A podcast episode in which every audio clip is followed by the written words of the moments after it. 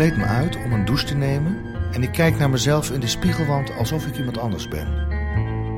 Ik zie een lichaam waarvan het bovenlijf op een vreemde manier op het onderstel is gezet. Een tekening van iemand die niet kan tekenen. Ik heb een mens nog nooit zo naakt gezien.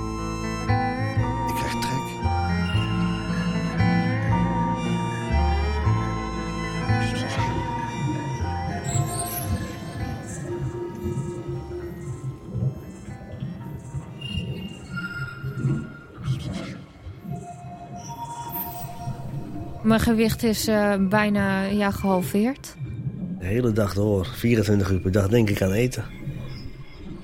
Als je doodgaat, dan ga je wel dood, maar dan ben je tenminste dun. Hoe meer ik afval, hoe dikker ik mezelf voel.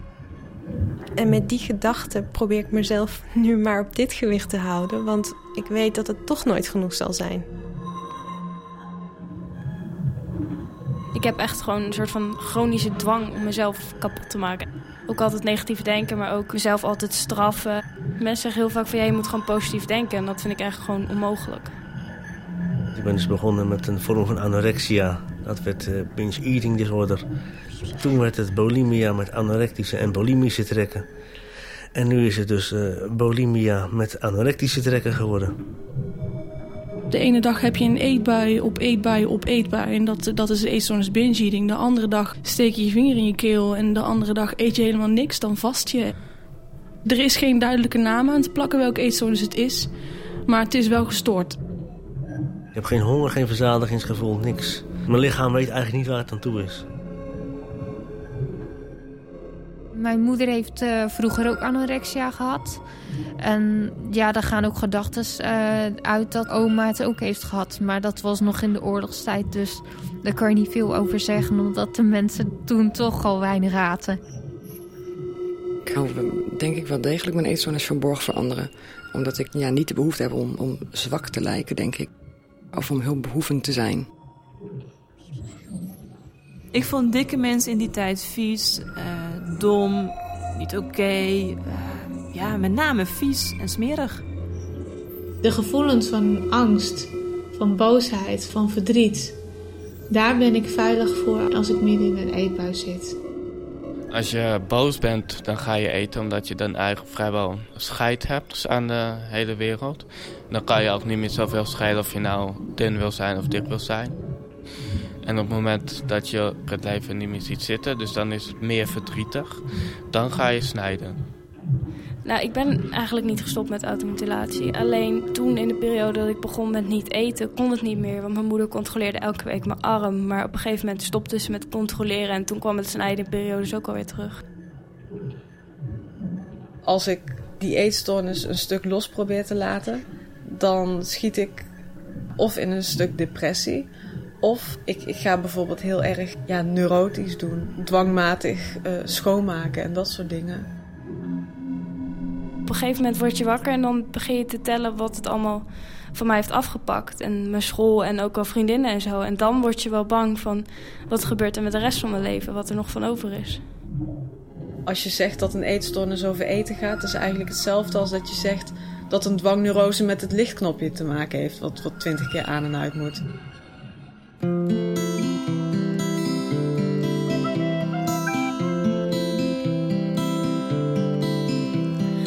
Lucy at the gym. She's there every time I go, and I don't go that often. So she must live at the gym. I stare at her ribs, they show through the spandex. Her little legs are working, she's going somewhere.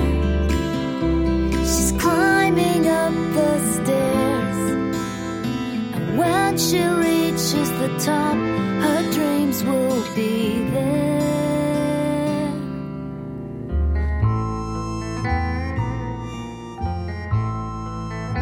Acht jaar tijd ben ik 40 kilo aangekomen. Dat is de helft van de 80 kilo die ik woog toen ik 35 was. Anderen nemen een piercing of een tatoeage. Ik ben voor de extra kilo's gegaan. Nou kun je zeggen 40 kilo aankomen, dat zijn 160 pakjes boter. Pak je bij het ontbijt, pak je bij de lunch en pak je bij het diner. Maar was het maar zo simpel? Wat je eet, poep je ook weer uit. Ik kan wel koekjes en zoutjes tussendoor gaan snoepen, maar om substantieel aan te komen moet ik de lat over de hele linie hoger leggen.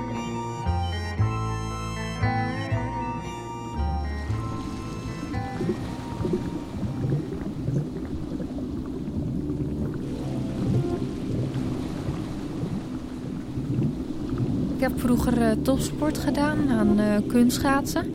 Toen uh, raakte ik geblesseerd. En toen ben ik gaan lijnen. Nou, aan het begin ging het gewoon op een normaal, normale manier. Gewoon lijnen, niet heel erg overmatig. Maar er waren meerdere meisjes die ook aan het lijnen waren. En toen ja, werd het voor mij toch een beetje een concurrentiestrijd. Van hun vielen af, oh ik moet ook afvallen. En ik heb er geen rem meer op kunnen zetten. Ik kon de knop niet omzetten om weer op een normale manier te gaan eten en aan te gaan komen. Ja, ik zat zo in het ritme van ja, wat ik at, daar viel ik mee af. En ja, ik heb dat niet terug kunnen draaien. Ik denk dat ik nu al zo ruim 9 à 10 jaar een eetstoornis heb.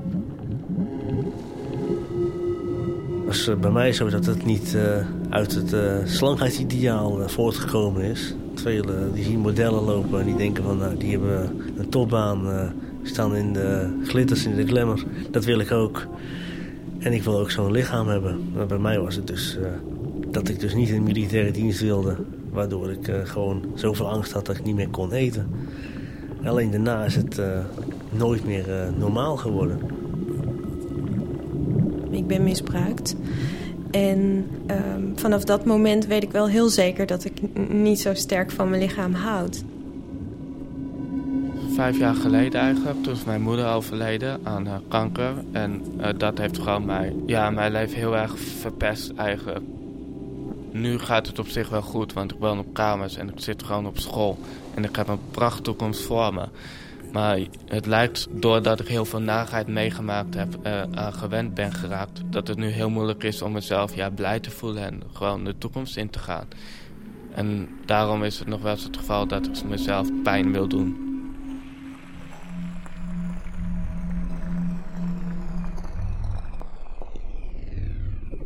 Weet dat ik niet te dik ben, gewoon puur rationeel gezien. Maar ik voel dat wel zo. Dus dan ga je wel steeds tegen jezelf zeggen van... nou, eigenlijk is het allemaal best wel heel normaal. En dan sta je voor de spiegel en denk je... nou, ik weet niet of het wel zo normaal is. Hoor. Kijk eens naar die buik en die billen en die benen. En dan... Mijn rationele kant zegt dan weer... ja, maar, oh nou, je bent 28, je hebt een dochter. Uh, ik bedoel, je bent geen meisje van 17 met een platte buik. Je bent heel normaal. En dan zegt mijn gevoel weer, nou, heel normaal. Maar van het gevoel is ook heel sterk. Dat heeft ja, misschien bij wijze van spreken twee zinnetjes nodig... om uh, te, volledig te ontkrachten wat de rationele kant net in honderd zinnetjes heeft gezegd. Ik kijk eigenlijk uh, niet veel in de spiegel... omdat ik eigenlijk toch wel een zeker afkeer van mijn lichaam heb. Omdat ik het uh, ja, zelf heel vaak er ook van schrik... en het heel erg onaantrekkelijk vind... omdat het er gewoon ja, niet uitziet door mijn ondergewicht bij een normaal persoon zie je een normale ronde vormen. En bij mij ja, is het toch allemaal hoekig. En uh, ja, je botten zie je er doorheen. En uh, het ziet er eigenlijk gewoon heel eng uit. Doet me gewoon denken aan beelden van een concentratiekamp. Heel erg uitgemergeld. Ja, dat zijn beelden wat ik gewoon niet prettig vind en eigenlijk eng vind. En dan zie je dat je er zelf zo uitziet. Dan heb ik zoiets van, nou dat wil ik niet zien. Dus ik kijk mezelf niet in een spiegel. En toen ik het dus uh, echt heel heftig begon te krijgen in 2002... toen begon ik problemen te krijgen op mijn werk. Want ik kreeg dus overal eetbuien. Het natuurlijk wel zo als je in de voedingsdienst werkt... dan uh, word je dus voortdurend getriggerd door het eten wat je tegenkomt. Nou heb ik zelf een uh, groot probleem met vleeswarenbeleg voor het brood. Nou, ik kan voorstellen dat ik dus in de keuken het brood stond klaar te maken voor de avond. Dat er dus aardig wat onsjes weg werden gewerkt. En ik moest dus regelmatig op het matje komen om uh, ja, mijn eetgedrag te verantwoorden.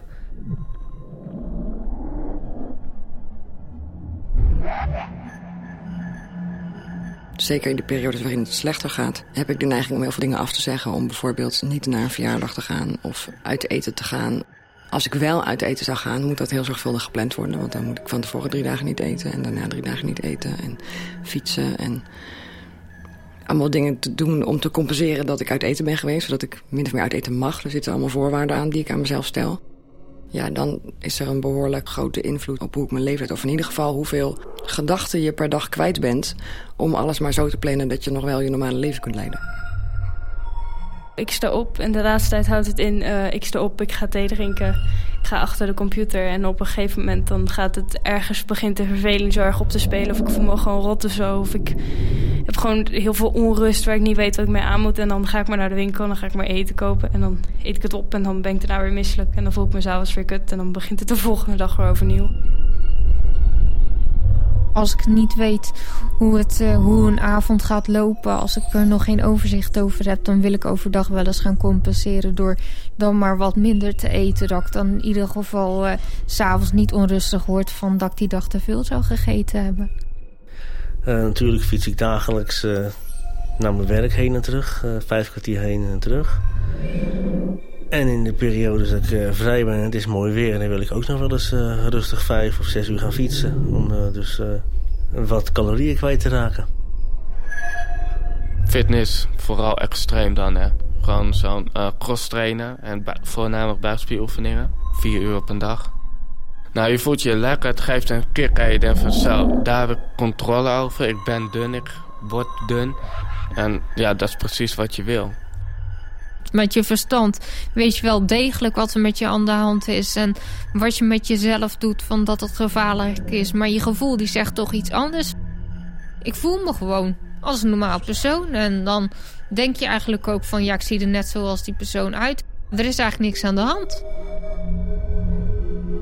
Ik ben er niet echt tevreden mee met mijn lichaam. Momenteel zit ik in een fase dat ik er wel mee kan leven. Wat dan inhoudt is dat ik er graag uh, lange rok overheen doe. nou, als het aan mij lag, douchte ik met het licht uit, om het zo maar even te zeggen.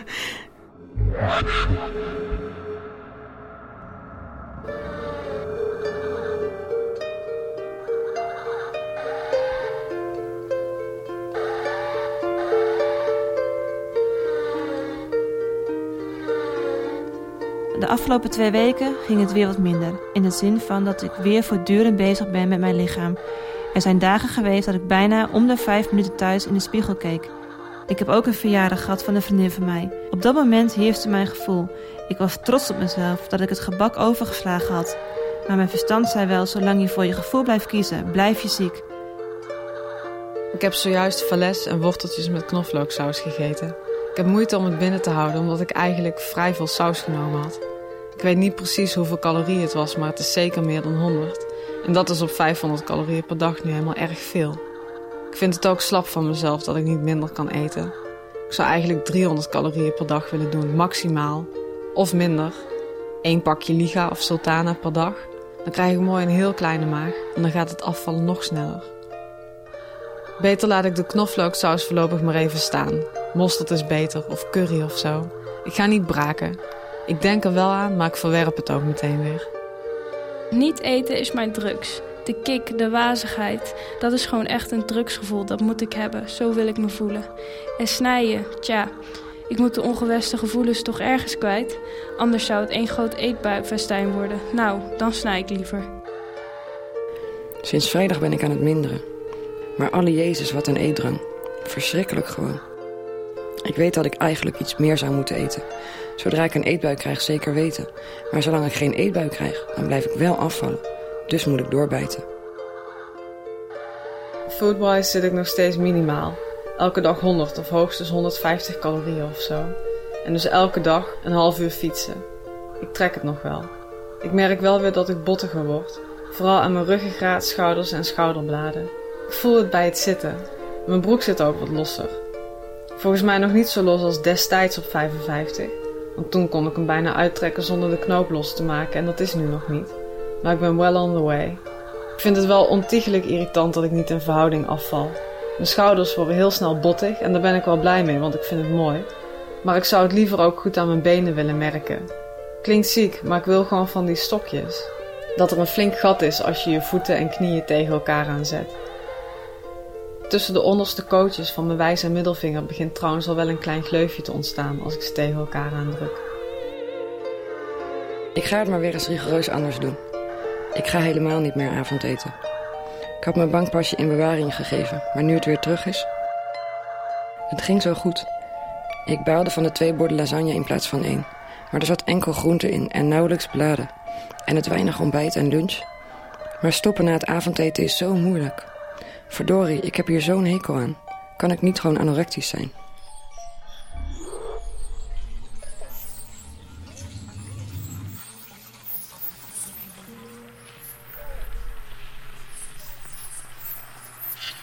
Rond mijn twaalfde, dan kan ik me wel herinneren dat ik voor het eerst het idee had dat ik uh, te dik was, zeg maar, vergeleken bij mijn leeftijdsgenootjes. Um, ik was een, een, paar kilo zwaarder, terwijl, ja, als ik nu terugkijk, had ik eigenlijk gewoon een heel, heel normaal gewicht. En op de een of andere manier had ja, ergens de notie dat het, dat het iets was om me voor te schamen dat ik uh, zwaarder was dan de rest. Dat ging er uiteindelijk in over dat ik eigenlijk begon met lijnen, terwijl ik helemaal niet wist wat lijnen was. Het is een soort idee dat je aan jezelf wil sleutelen. Dat je vindt dat je leven beter moet. En dat je dan een soort kronkel in je hoofd hebt... waardoor je denkt van als ik nou maar dun word... als ik nou maar 50, 40, 30, 20 kilo weeg... ben ik beter en mooier en geweldiger en intelligenter... en vinden mensen wel aardiger. En, en je bent zo aan de andere kant heel bang om heel dik te worden. Ook al ben je het niet. Ja, dat vind je heel eng. De onbewuste gedachte die erachter zit... is dat je denkt dat je gelukkiger wordt als je afvalt dat werkt niet. Dus daarom blijf je ook steeds je, je streefgewicht steeds verder naar onder bijstellen. Omdat de eetstoornis maakt dat je denkt van... Oh, het ligt er niet aan dat afvallen niet werkt bij gelukkig maken. Maar het ligt er gewoon aan dat ik nog niet genoeg ben afgevallen. Door je zo te focussen op je gewicht, op je eten... zorg je ook nog eens dat je gedachten zodanig in beslag worden genomen... dat je ook niet hoeft te denken aan, aan wat er eigenlijk echt speelt. Wat de reden is dat je die controle nodig hebt. Op het moment dat ik het zelf had, dacht ik wel dat het met eten te maken had, met dun zijn. En ik wil gewoon dun zijn, ik wil gewoon afvallen, ik ben net als iedereen.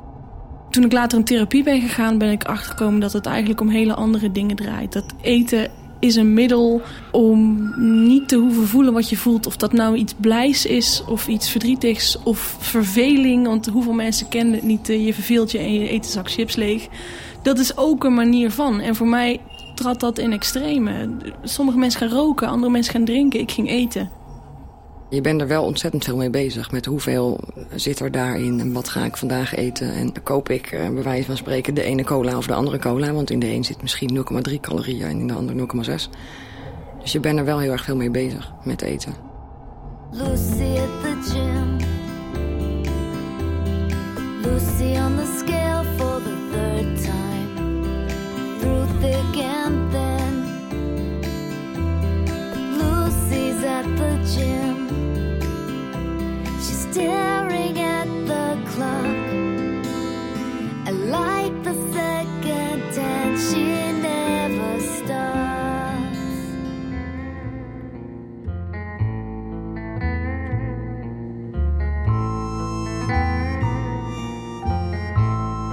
Als ik eenmaal 120 kilo weeg, wil ik weten hoe het is om 40 kilo af te vallen. Ik hou niet van stilstand. Ik lees in elke inleiding van ieder dieetboek dat het erom gaat je eetgewoontes aan te passen en dat je niet een snel resultaat moet najagen. Ik lees ook dat de geharde olie waar patat in gebakken wordt een koekachtige vorm aanneemt en lange tijd in je lichaam achterblijft. Ik ga eten meer en meer bekijken in termen van vet, eiwit, koolhydraten.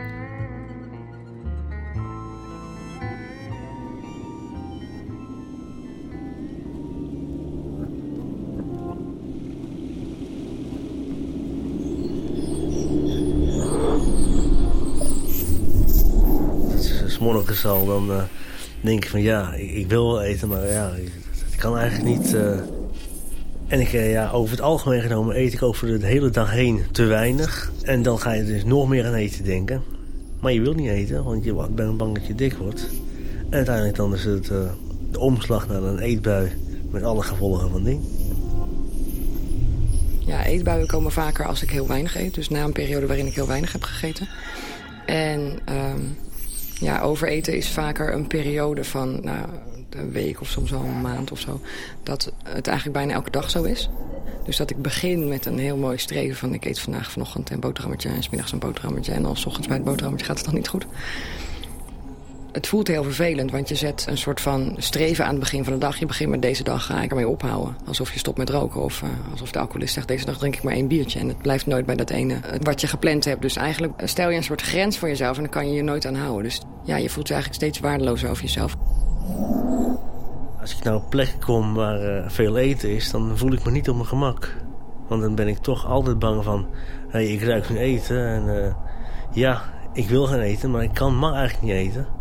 En dan ben toch altijd weer bang dat ik uh, onverwachts in zo'n uh, schiet. En dan, uh, ja, dat is niet prettig voor de mensen om dat te zien.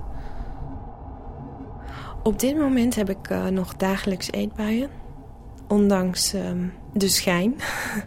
Want ik werk fulltime en ik heb een hele fijne relatie. Ik heb hele fijne mensen om me heen. En toch heb ik die eetbuien. En die eetbuien die, die zijn zo hardnekkig. Ik kan me geen dag voorstellen dat ik geen eetbui heb. En dan is het ook niet één eetbui, maar minimaal twee. Meestal ga ik naar de supermarkt als ik een eetbui heb. En dan, um, nou ja, dan koop ik van alles, meestal chocola. Ik ben verslaafd aan chocola, bijna altijd zoete dingen. Maar als ik thuis ben en um, uit de keuken, dan, ja, dan is meestal wat er is. En de kast zit sowieso op slot waar al het lekkers in zit. Dus dan het meestal uit de koelkast. En dus zijn het vaak kaas en krentenbollen. En nou ja, als er dan niks anders meer is, dan eet ik ook maar gewoon een brood op en alles. Nou, als ik dan uh, thuis kom van mijn werk, dan ga ik eerst langs de supermarkt. En dan denk ik van, nou, ik ga gezond eten halen. Maar eenmaal in de supermarkt, dan uh, valt mijn oog op van alles en nog wat. En ik ga toch weer verkeerde dingen kopen. En dus ook weer verkeerde dingen eten. En de eetbui is een feit. Vaak dan, uh, dan kwam ik bijvoorbeeld uit school en dan voelde ik me zo rot. Dan was er iets gebeurd of weet ik veel. Toen ging ik bij de ene supermarkt ging chips halen. Bij de andere supermarkt ging ik snoep halen. En bij weer een andere supermarkt ging ik weer iets anders halen. Want ik kon het natuurlijk niet allemaal in één keer kopen. Want dat was, uh, dan zou de cashier iets gaan denken van mij. En dan ging dat stiekem in mijn kamer allemaal opvreden. Dus in principe zie je het wel aankomen. Omdat je het vaak ook wel plant. Maar soms dan zat je ook gewoon een avond thuis. En opeens dan uh, trek je de koelkast open. En dat begint met een worteltje. En dan eindig je met een chocoladetaart. Ik kan wel gaan, gaan zitten denken van... oh, ik moet geen eetbui hebben, ik moet geen eetbui hebben. Maar op het moment dat er toch één aankomt... dan zie ik mezelf van een afstandje. Ik zie mezelf eten, maar ik kan er niks aan doen. Ik word uh, in eerste instantie lichamelijk erg onrustig. Begin dan heen en weer te lopen.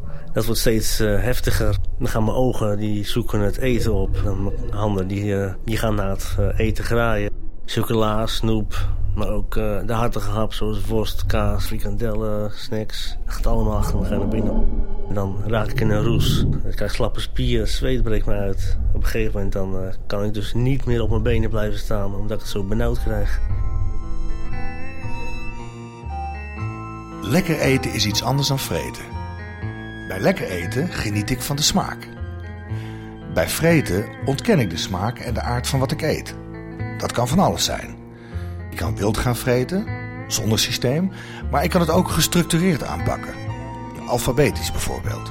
Aardappelen, bananen, cashewnoten, drop, eiersalade, fruitshakes, gebraden gehakt, hachevlees, Indiase currypasta uit een potje, jodenkoeken, kaasfondue. En ook die kaas kan ik alfabetisch aanpakken. Appenzeller, brie, camembert, Danish blue, feta, gorgonzola, kerneitse.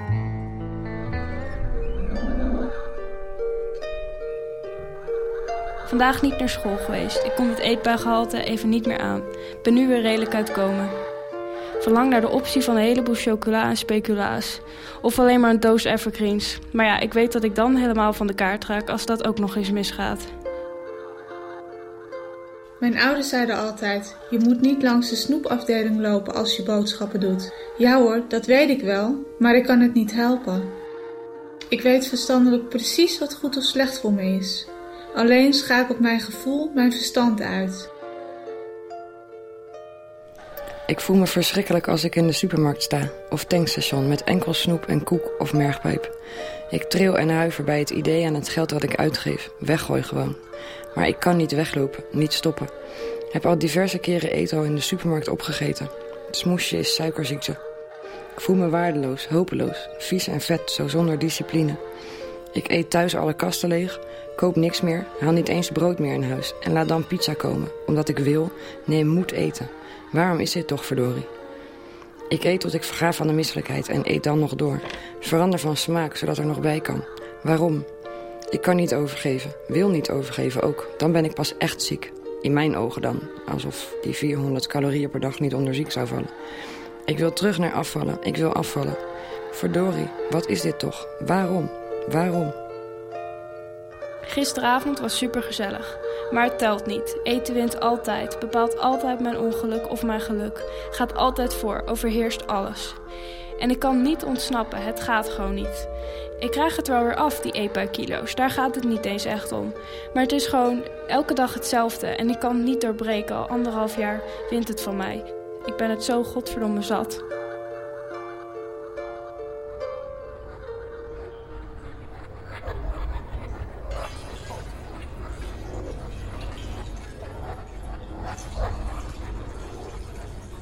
Op het moment dat ik een eetbui krijg, dan komen de gevoelens van angst, woede, boosheid komen niet meer bij mij binnen. Op het moment dat de eetbui afgelopen is, dan is ook de veiligheid weer weg. En die veiligheid die wil ik eigenlijk heel graag bewaren, omdat dat tenminste lekker voelt.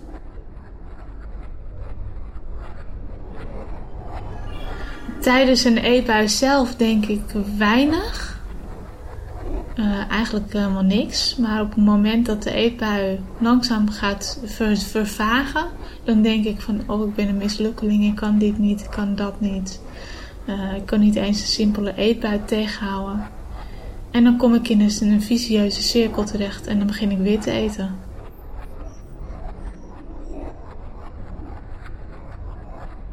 Na die eetbui voel je zo ontzettend, dat is niet te beschrijven hoe schuldig. Je walgt helemaal van jezelf, van je eigen lichaam. Je walgt van alles wat je net hebt gegeten en het moet er zo snel mogelijk uit. Of het mag er niet in blijven. Kosten wat het kost. Ook al kost het bij wijze van spreken je leven. Want je weet uiteindelijk dat een vinger in je keel steken... dat is heel erg slecht voor je. Je weet dat je eraan dood kunt gaan, maar... eigenlijk zeg je liever dood dan dik.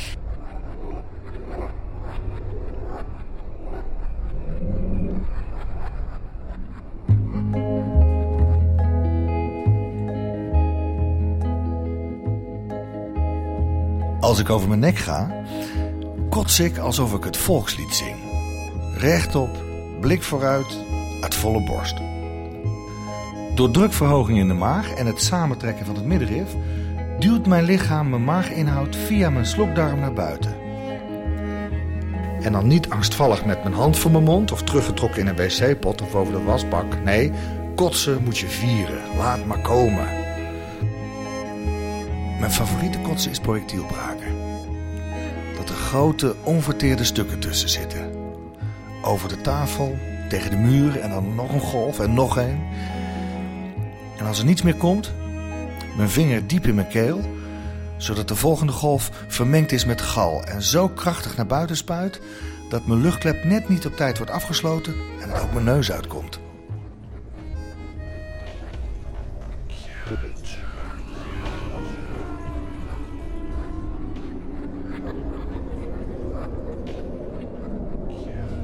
Het doet heel veel pijn. Ik heb het geprobeerd.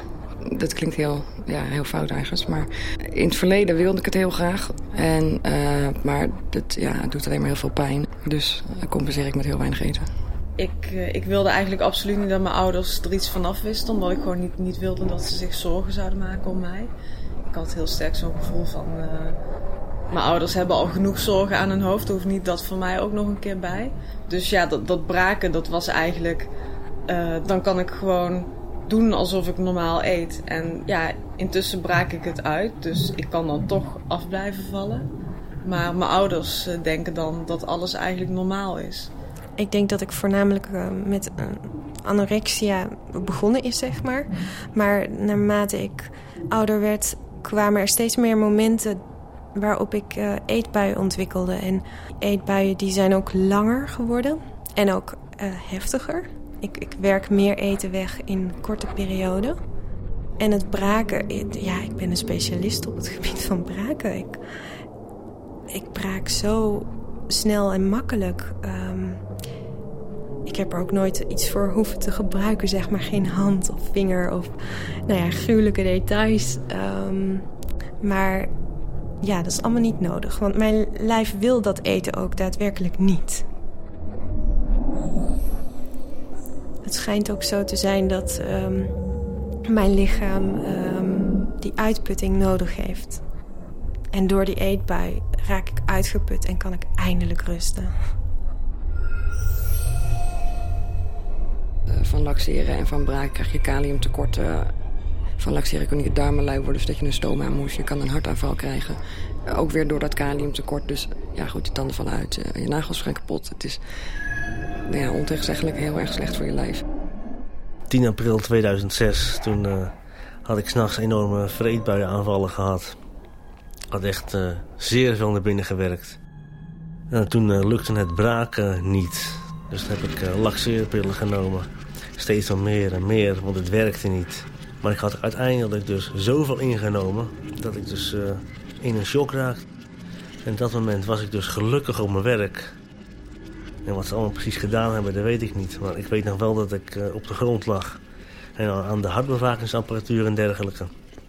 En dan ja, dan zag ik weer helemaal weg en dan kwam ik er even bij en dan zag ik weer weg. En zo ging dat een tijdje door. Maar achteraf hoorde ik dus dat ze mij dus uh, net voor het randje van de dood hebben kunnen redden op dat moment.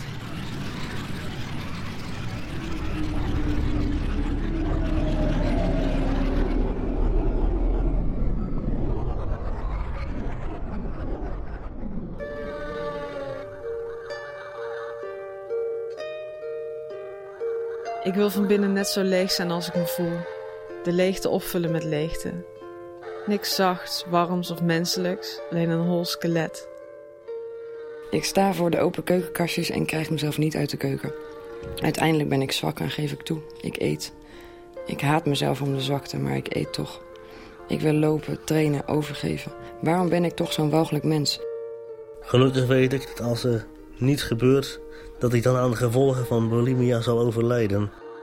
Maar of dat door slokdarmkanker is of een infarct, dat weet ik nog niet. Wel weet ik dat als ik straks mijn darm niet meer werkt door het gebruik van die laxeermiddelen, dat dan een wanhoopsdaad niet meer uit zal blijven. Ik wou dat ik het er allemaal vanaf kon snijden, branden, hakken. Mezelf dopen in een zuurbad wat alle lelijkheid zal wegbijten. Mezelf voor wilde roofdieren gooien en me aan stukken laten rijten. Ik haat jou, lelijk wijf. Ik hoop dat je doodgaat. Dat je door een enge ziekte uitgemergeld raakt. En dat je vlak voordat je sterft nog beseft wat je jezelf aangedaan hebt. Dat je gewoon knakt als het hollerietje dat je bent.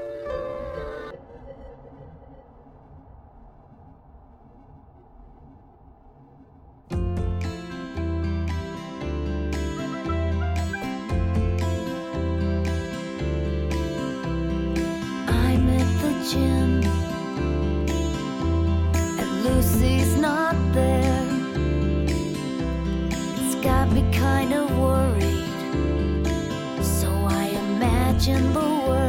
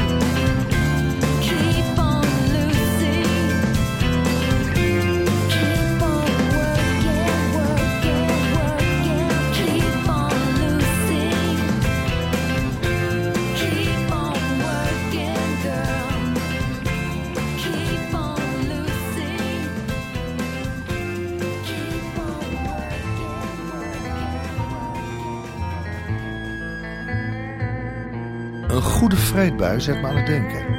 Ik vreet nooit zomaar. Ik ben niet verslaafd aan eten. Als ik ergens aan verslaafd ben, is het aan de complexiteit van wat de verslaving is. Er is een moment in mijn dag dat ik alleen ben...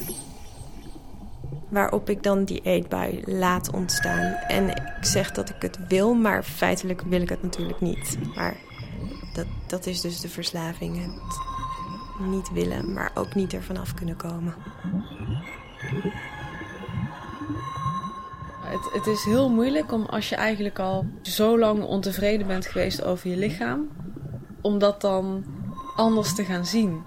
Om, om niet uh, meteen allerlei negatieve en veroordelende gedachten te hebben als je naar jezelf kijkt. Ja, het is, het is gewoon bijna een automatisme. Ik begin daar nu wel een beetje in te veranderen, maar in eerste instantie dacht ik ook altijd van, maar het is toch gewoon zo van, het is toch gewoon slappe huid en het is toch gewoon groot en dik en al die dingen. Terwijl dik is ook maar uh, als je het ergens anders mee vergelijkt. en, en, en bovendien er ook nog ja, meteen een oordeel aan verbindt.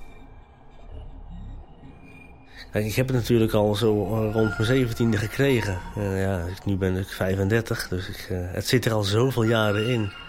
Zijn eigenlijk ook... Uh, ja, je gaat uit gewoonte ook verkeerd eten. Hè? Je bent niet anders gewend. En dat, is, dat moet weer helemaal omgeschakeld worden.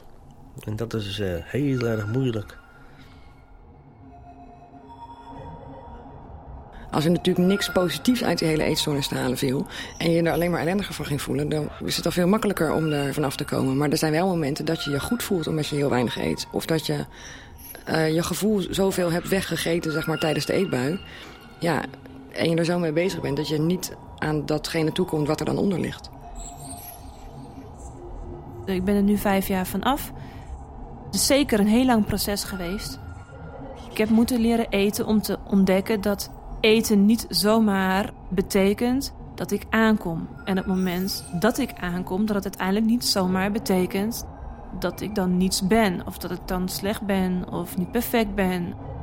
Dus het is een combinatie van het leren eten en het leren ontdekken wat eten met je lichaam doet. Het leren luisteren naar je lichaam.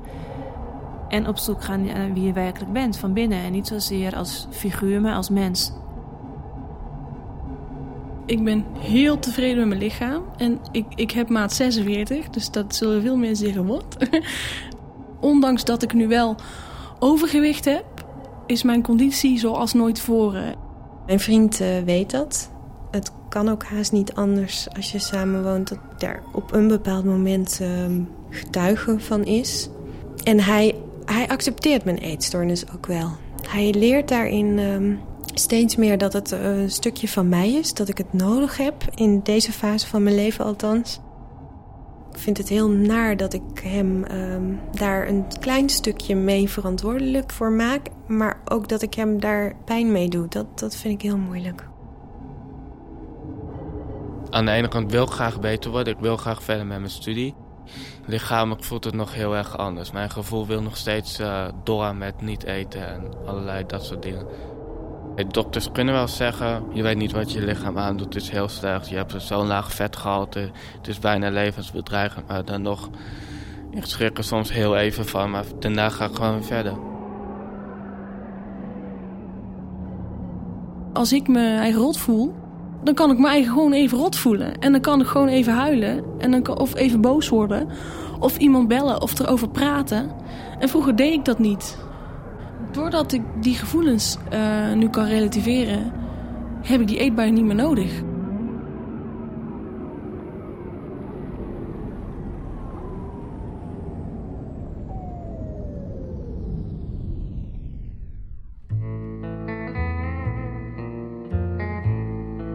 Mijn lichaam is in staat tot ongekende transformaties. In één jaar tijd ben ik 40 kilo afgevallen en toen weer 30 kilo aangekomen. Dat is een vetverplaatsing van 70 kilo. Toen dacht ik, het lichaam is ontworpen om de geest levend te houden. Maar mijn geest zal het eerder opgeven dan mijn lichaam. Mijn therapeut heeft heel veel vertrouwen in uh, een goed verloop. um, ja, merk wel dat ik steeds pessimistischer word naarmate de dagen en jaren vorderen. En mijn eetstoornis nog steeds er is. Ik had me nooit kunnen indenken dat, uh, dat mijn leven zo zou lopen. Ja, een soort moeras waar je in getrokken wordt. En, en als je er eenmaal in zit, realiseer je vaak pas dat je erin zit. Is gewoon heel lastig om er dan nog uit te komen. Denk ik dat ik er ooit afkom. Aan de ene kant hoop ik misschien van wel. Aan de andere kant denk ik van niet. Ik heb in het, uh, ja, in het verleden periodes gehad dat ik heel angstig was. Uh, of dat ik heel depressief was. Of heel zelfdestructief op allerlei andere nare manieren. Als ik van mijn eetstoornis af zou komen... dan zou ik waarschijnlijk al die angsten van een paar jaar geleden weer helemaal boven krijgen. En ik kan veel beter met mijn eetstoornis leven... dan dat ik kon leven met de angst die heel erg op de voorgrond stonden. Het is geen, het is geen keuze. Het is wel een, misschien een keuze om beter te willen worden, maar heel vaak wordt gedacht van ja, ze moeten gewoon meer eten en dan is het klaar. Maar zo werkt het gewoon niet. Ik zou gewoon het liefste willen dat ik gewoon mijn lichaam kon accepteren zoals het is. Van hoe het er ook uitziet. Ook al had ik overgewicht, dat ik dan nog gewoon trots zou zijn op mijn lijf.